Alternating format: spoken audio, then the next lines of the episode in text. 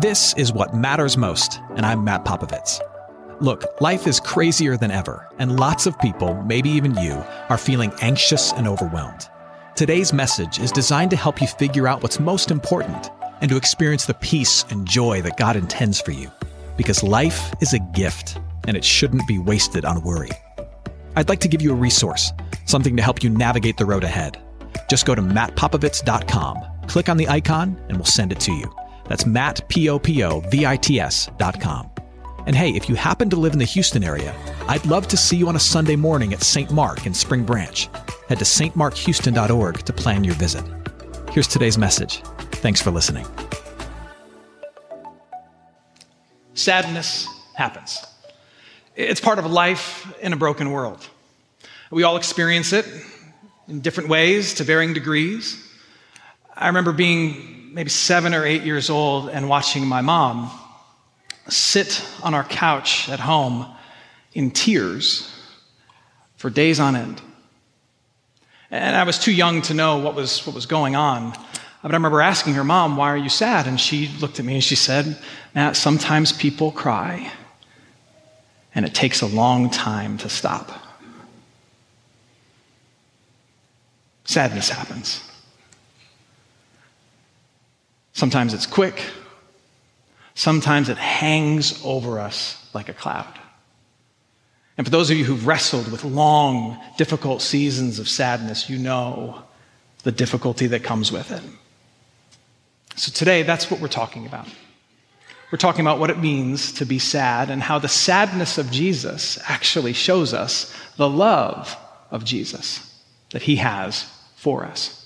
But before we dive into that, I want to just recognize once again that, that it is Father's Day. And, and I'll say this even dads get sad. Dads get sad. But I want to make sure that dad doesn't get sad today. So, to help make sure that the dad in your life doesn't get sad today, I put together what I think is the definitive list of things that make for a sad dad. And I share this with you so that you can avoid these things today so, to keep the dad in your life happy, this is the official sad dad list. You might want to get something out, jot this down, avoid these things, avoid these conversations so that dad can be happy today. All right, so here we go. Number one, the number one thing that makes dad sad high gas prices makes dad sad.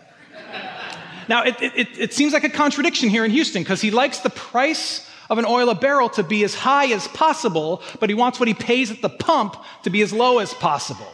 He's working against his own self interest here. But there are fewer things that dads love more than to complain about gas prices. Another thing that dads don't like makes dads sad overcooked meat. Don't overcook the meat.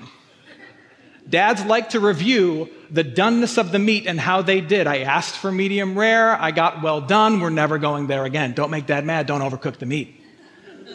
He loves to evaluate it. Other thing that makes dad mad, being awoken from a nap. Don't wake up dad from a nap. Leave him alone. Like my kid, I'll fall asleep often on Sunday, Sunday afternoons. I'll fall asleep on this couch that we have in our front room. And I will lay down on the couch, I'll, fa- I'll fall asleep, and I'll hear my wife say to my son, Don't bother dad. Two seconds later, he's standing next to me, just breathing over my face. and Lisa will say, Jack, leave him alone. And he'll be like, I didn't do anything. He's screaming it right over top of my face. Don't wake dad up from a nap. You know, double clicking on that one, he hates being awoken from a nap by someone who's trying to turn off the TV. Don't do that. Don't do that because you know why? He's watching that. Don't turn that off. There's another thing that dad doesn't like don't slam doors. He doesn't like that unless it's him doing it. Another thing dad doesn't like don't mess with the thermostat. Don't, don't touch the Nest, the Ecobee, the old traditional, whatever you've got, don't touch it. It makes him mad unless he's doing it. He's the only one that gets to mess with it.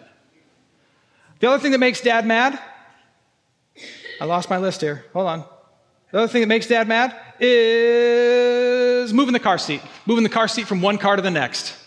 When you're getting ready, you got small kids, you're getting ready to go somewhere, and it's like, hey, babe, can you move the car seat? No, this is Houston. If I go move the car seat from this car to the next car, it's a whole workout. I'm gonna sweat through my shirt. I'm gonna have to take a shower. We're gonna be two hours late. Just take the car with the car seat in it. And then the last thing that dad doesn't like is when he's got, he's rocking a brand new pair of white New Balance shoes. Dads love the New Balance shoes with the socks that go up to here and the khaki cargo pants. And then one of the kids comes along and steps on the toe of the brand new white New Balance shoes. That's a way to make dad mad. So let's all just agree we're not going to do any of these things, okay? We're not going to bring these things up so the dads in our life don't have to get sad today. Now, if you happen to be sad, dad or not, this sermon is for you. We're continuing a series, actually, we're ending a series today that we've called All the Feels, where we're looking at emotions. We live in a world that says you are what you feel, except the scriptures tell us the opposite. Uh, what the Christian faith teaches is that you are not what you feel, you are who God says you are and what Christ has done for you. We have emotions, but our emotions don't have to have us. And so, what people of faith are called to do is interpret their emotions through the lens of that truth. And rather than be controlled by our emotions, we steward them, we manage them in light of this truth. And so, we've talked about some of the biggest emotions that we have, the ones that are really tempting to allow to take over our lives. We talked about anxiety, we've talked about anger, and today we talk sadness.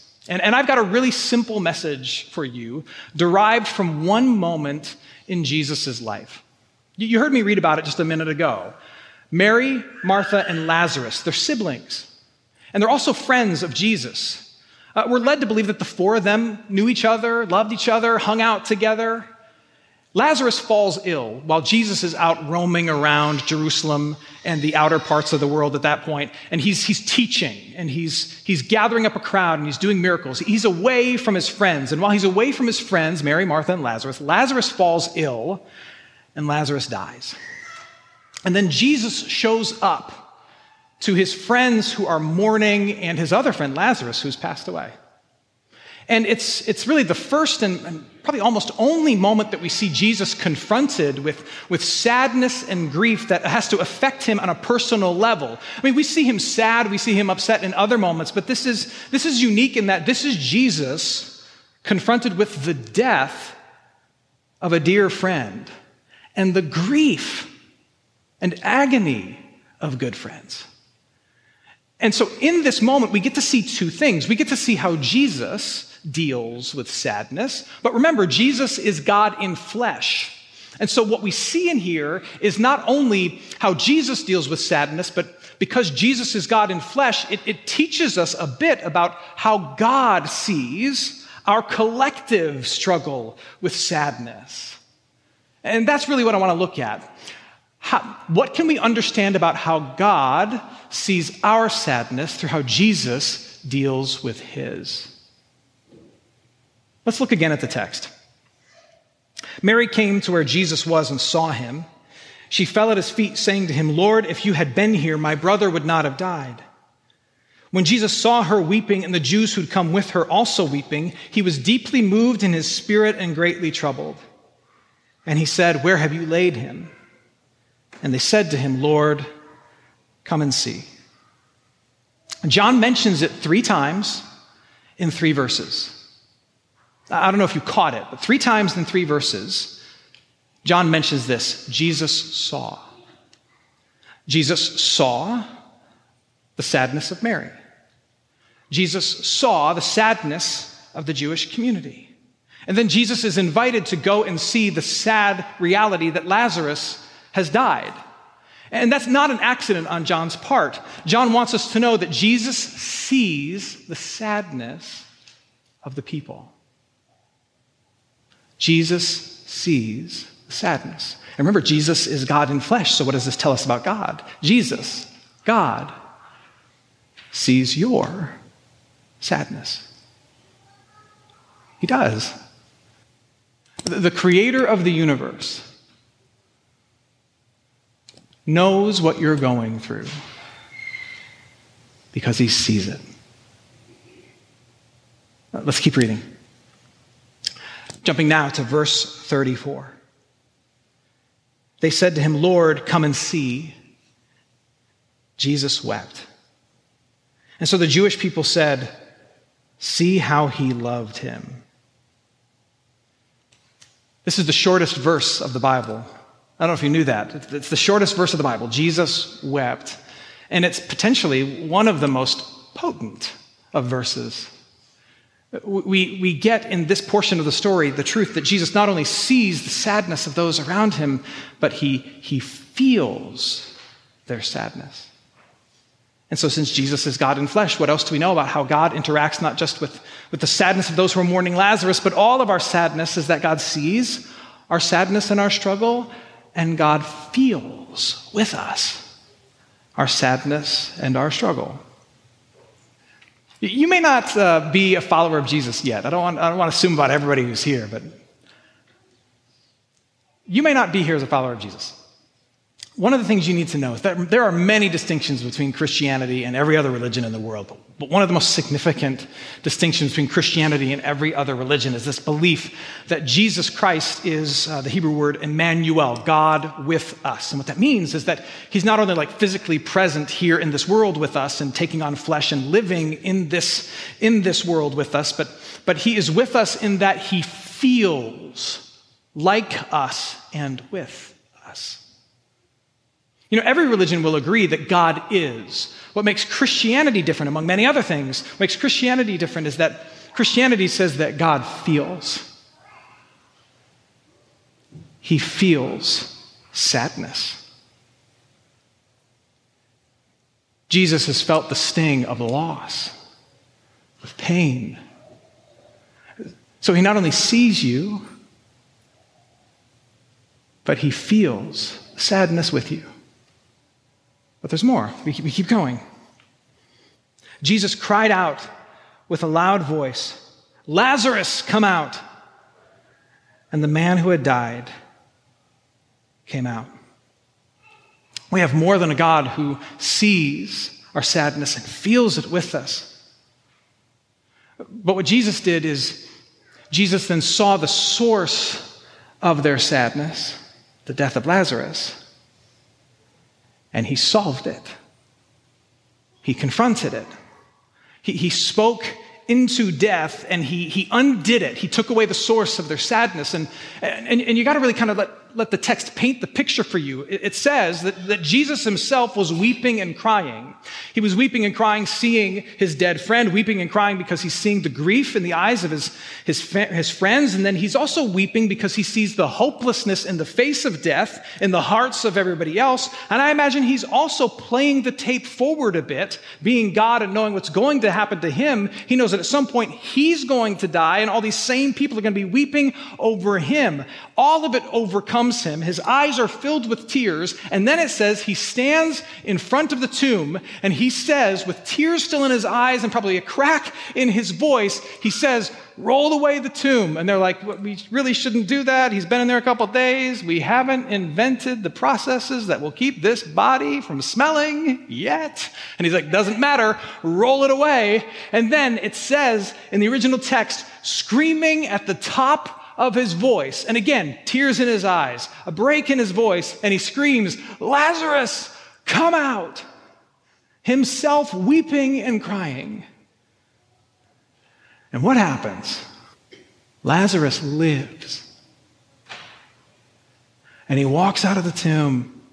And what Jesus has done in that moment, he, he's, not only, he's not only seen their sadness, he's not only felt their sadness, but now in that moment, Jesus has solved their sadness.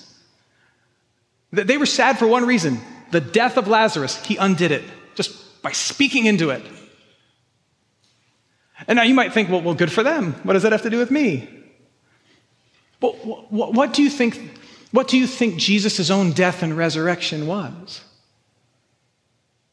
Jesus' death and resurrection was him solving the source of all of our sadness. Hey, friends, it's Matt. If you're listening to us in Houston and you're looking for an excellent education in a Christian setting for your student, I'm inviting you to take a tour of St. Mark Lutheran School in Spring Branch. We serve infants through eighth grade with an excellent faculty, brand new facilities, and a faith forward curriculum. To schedule your tour, head to gostmark.org. That's G O S T M A R K dot org to schedule your tour today. St. Mark Lutheran School. It's excellent education for your son, your daughter, your little one. Now, back to today's message. Let me give you a mediocre analogy. A couple of weeks ago, my, wife and I went on a date night and we, were, um, we took cooking lessons. And as we were taking the cooking lessons, uh, they taught me a new way to cut an onion so that you don't get tears in your eyes. And now, this might not be new information to you, but I, I'm, I don't know many things. I know there are 66 books in the Bible, 39 in the Old Testament, 27 in the New, and that's all I know. That's all the things I know. You may already know this, but, but what I found out is that when it comes to a big white onion, if you actually take the knife and you cut out the center of the onion and you remove the core of it and pull it out, cut around it, that that's the part that actually contains the oils. And if you cut that out and set it to the side and never actually cut through it, you won't ever have tears as you cut an onion again. I did not know this until I actually was shown this and I did this. Now here's, here's the analogy back to what we're talking about. When Jesus dies on the cross and then rises from the tomb, what, what he's doing is he is he's getting to the core of the thing that causes all of the tears. And he's attacking it, he's confronting it, and he's removing it. He's, he's removing the thing that causes the sadness. He's confronting it, he's solving it. I, I realize that, that there are lots of different reasons why, why there is sadness overwhelming your life right now. I realize that, that your, your, kids don't call as often as you'd like them to, or your body is not healing in the way in which you have been praying and praying for it to, or, or that that nephew that you've been walking with and being a mentor with uh, continues to fall back into addiction, or, or your marriage fell apart just like your last marriage fell apart and there was sadness in you. I get it. But what people of faith understand is that those, those surface level traumas and tragedies, though they are in fact traumas and difficulties and tragedies, that there is something underneath it. Like if you peel back the layers, there is something else at the core. And the thing that's at the core that ultimately then bubbles up and all the difficulties that make us cry, the thing that's at the core is our collective dysfunction that we call sin. The thing that's at the core is this thing we're all trying to outrun and ignore called death. The thing that's at the core is the fact that we're all born separated from this God that we desperately need to know. Like those are the three things at the center. And what Christ has done in dying on the cross and rising from the grave is he attacked that. In his death, he forgave sin. It's no longer an issue. In his rise from the grave, he defeated death. It will no longer defeat you. In rising from the grave, he has earned a way for you to have a restored and full and complete relationship with the Father. He's attacked it, confronted it, and solved all of it. And so now, though we still cry, though we have sadness, we, we anchor ourselves in this truth that Jesus Christ has cut it out at its root. And though we weep, it will be for a moment. And though we struggle, it is temporary. And though it is sad, it won't last forever. It will not own me or get the last word for me because Jesus has confronted the root of the issue and conquered it for me. And that's the truth that we shout into the sadness and at the lies that come at us. Jesus sees and he feels and he solved it. Now, as you live this life and you deal with sadness, knowing these truths that Jesus sees and he feels and he solves it for you, I want to give you just a handful of like practical things that you can apply in light of these truths to your own continued wrestling with sadness, or that you can encourage other people in your life as they confront sadness. You can, you can point them toward. And it really comes down to, to three quick things. Here, here's what your sadness needs. Now, knowing this, here's what your sadness needs. Your sadness needs friends, your sadness needs a limit, and your sadness needs a focus. Uh, remember, I said that there are certain lies that come to us when we're sad. Lies that say, you know, no one sees you, no one understands, no one can solve this. Well, what you need are friends because lies grow in loneliness. Loneliness feeds those lies and lets them take root. And what you need are people around you who can speak truth to those lies and keep you from getting overwhelmed by them. Look, when Martha was, was about to lose her brother, she reached out to Jesus. She was sad. She reached out to Jesus. Jesus heard that Lazarus died. He reached out to his disciples and took them with him to go and see the dead Lazarus. Look, when you're sad, you need people. If Jesus needed people, you need people. When you're sad, just don't be alone. Tell somebody. Hold on to these truths and tell somebody. Your sadness also needs a limit. It's very, very tempting for us when we're sad to just let it overwhelm our life and, and be this lens through which we look at absolutely everything. But your sadness really, really needs a limit to it. Now, what I mean by that is not that you should just like you know, suck it up, buttercup, and get over it. I'm not saying that. What, what I think, what I counsel people on, and what I say to myself is look, set aside time every day to feel your sadness. I think you should, if you're really struggling with something, if you're really, really wrestling with something that's just got you overwhelmed and sad, I think you should set aside time, whatever amount of time that you need, to sit there and feel it, to cry over it, get frustrated with it, wrestle with it, pray through it. Set aside time to do that, but also then set a finish line. Maybe your drive home from work is the time when you get sad. But you have to tell yourself look, when I, when I pull into the driveway, I'm going to set this aside and I'm going to be present with my kids. Or when this timer goes off, I'm going to try my best to, to like wipe my eyes and live the life that God has called me to live. It needs a limit. Because remember, you now know that it doesn't own you because Jesus has defeated it at its root. So, so then live as if that's true and know that you can set some boundaries around your grief. It doesn't have to, and your sadness, it doesn't have to overwhelm you. It doesn't have to own your whole existence. Put a limit on it. Feel it but put a finish line in. And then you need the right focus. Hold on to this truth that Jesus Christ sees you, you're not alone, He feels you, and He's conquered all this for you. Stay focused on who He is and what He's done, and as you feel the sadness, keep your heart and mind anchored in that truth so that you don't kind of wash away out into the ocean of sadness and struggle, you, you need a focus upon Christ. Rather than focus here, all turned in on yourself, we focus here, in our sadness, on Jesus. Robert Earl Keen is a singer and songwriter that your dad would really like if he doesn't already. Those of you who know Robert Earl Keen, he's a Houston based singer, songwriter, and he's in, I think, the Houston Songwriter Hall of Fame. He writes, he writes really truthful, really honest, really witty songs. Uh, his, his lyrics are always really, really robust. And he wrote a song in 1997 called Undone about a guy who hits rock bottom and who has every reason to be overwhelmed with sadness. Listen to the picture he paints here at the end of this song. He says, Now the storms are coming and the skies turn black. It's too late now, you can't turn back.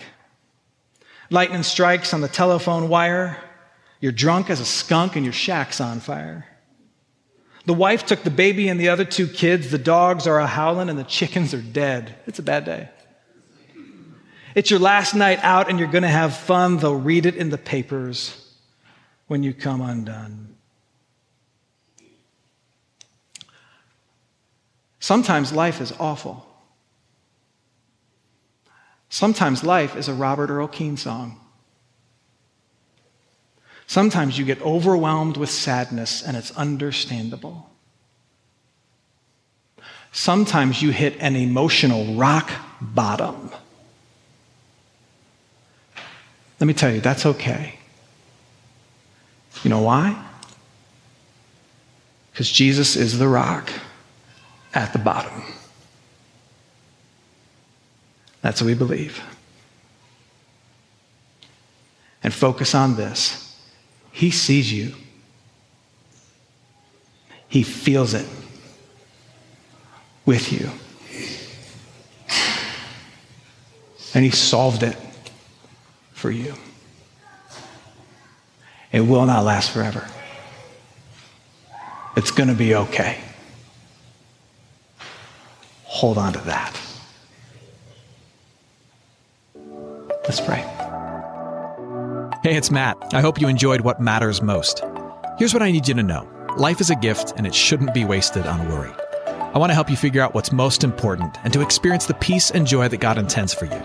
So for more content, you can head to mattpopovits.com. That's Matt, P O P O V I T S.com. There you can also support this ministry as well as access your free resource, a little something to help you navigate the road ahead. I'd also love to see you on a Sunday morning. If you're in the Houston area, head to stmarkhouston.org to plan your visit. In the meantime, hit me up on Instagram at mpopovits or at facebook.com slash Matt Popovits Ministries. Thanks for listening. Now go and hold tight to what matters most.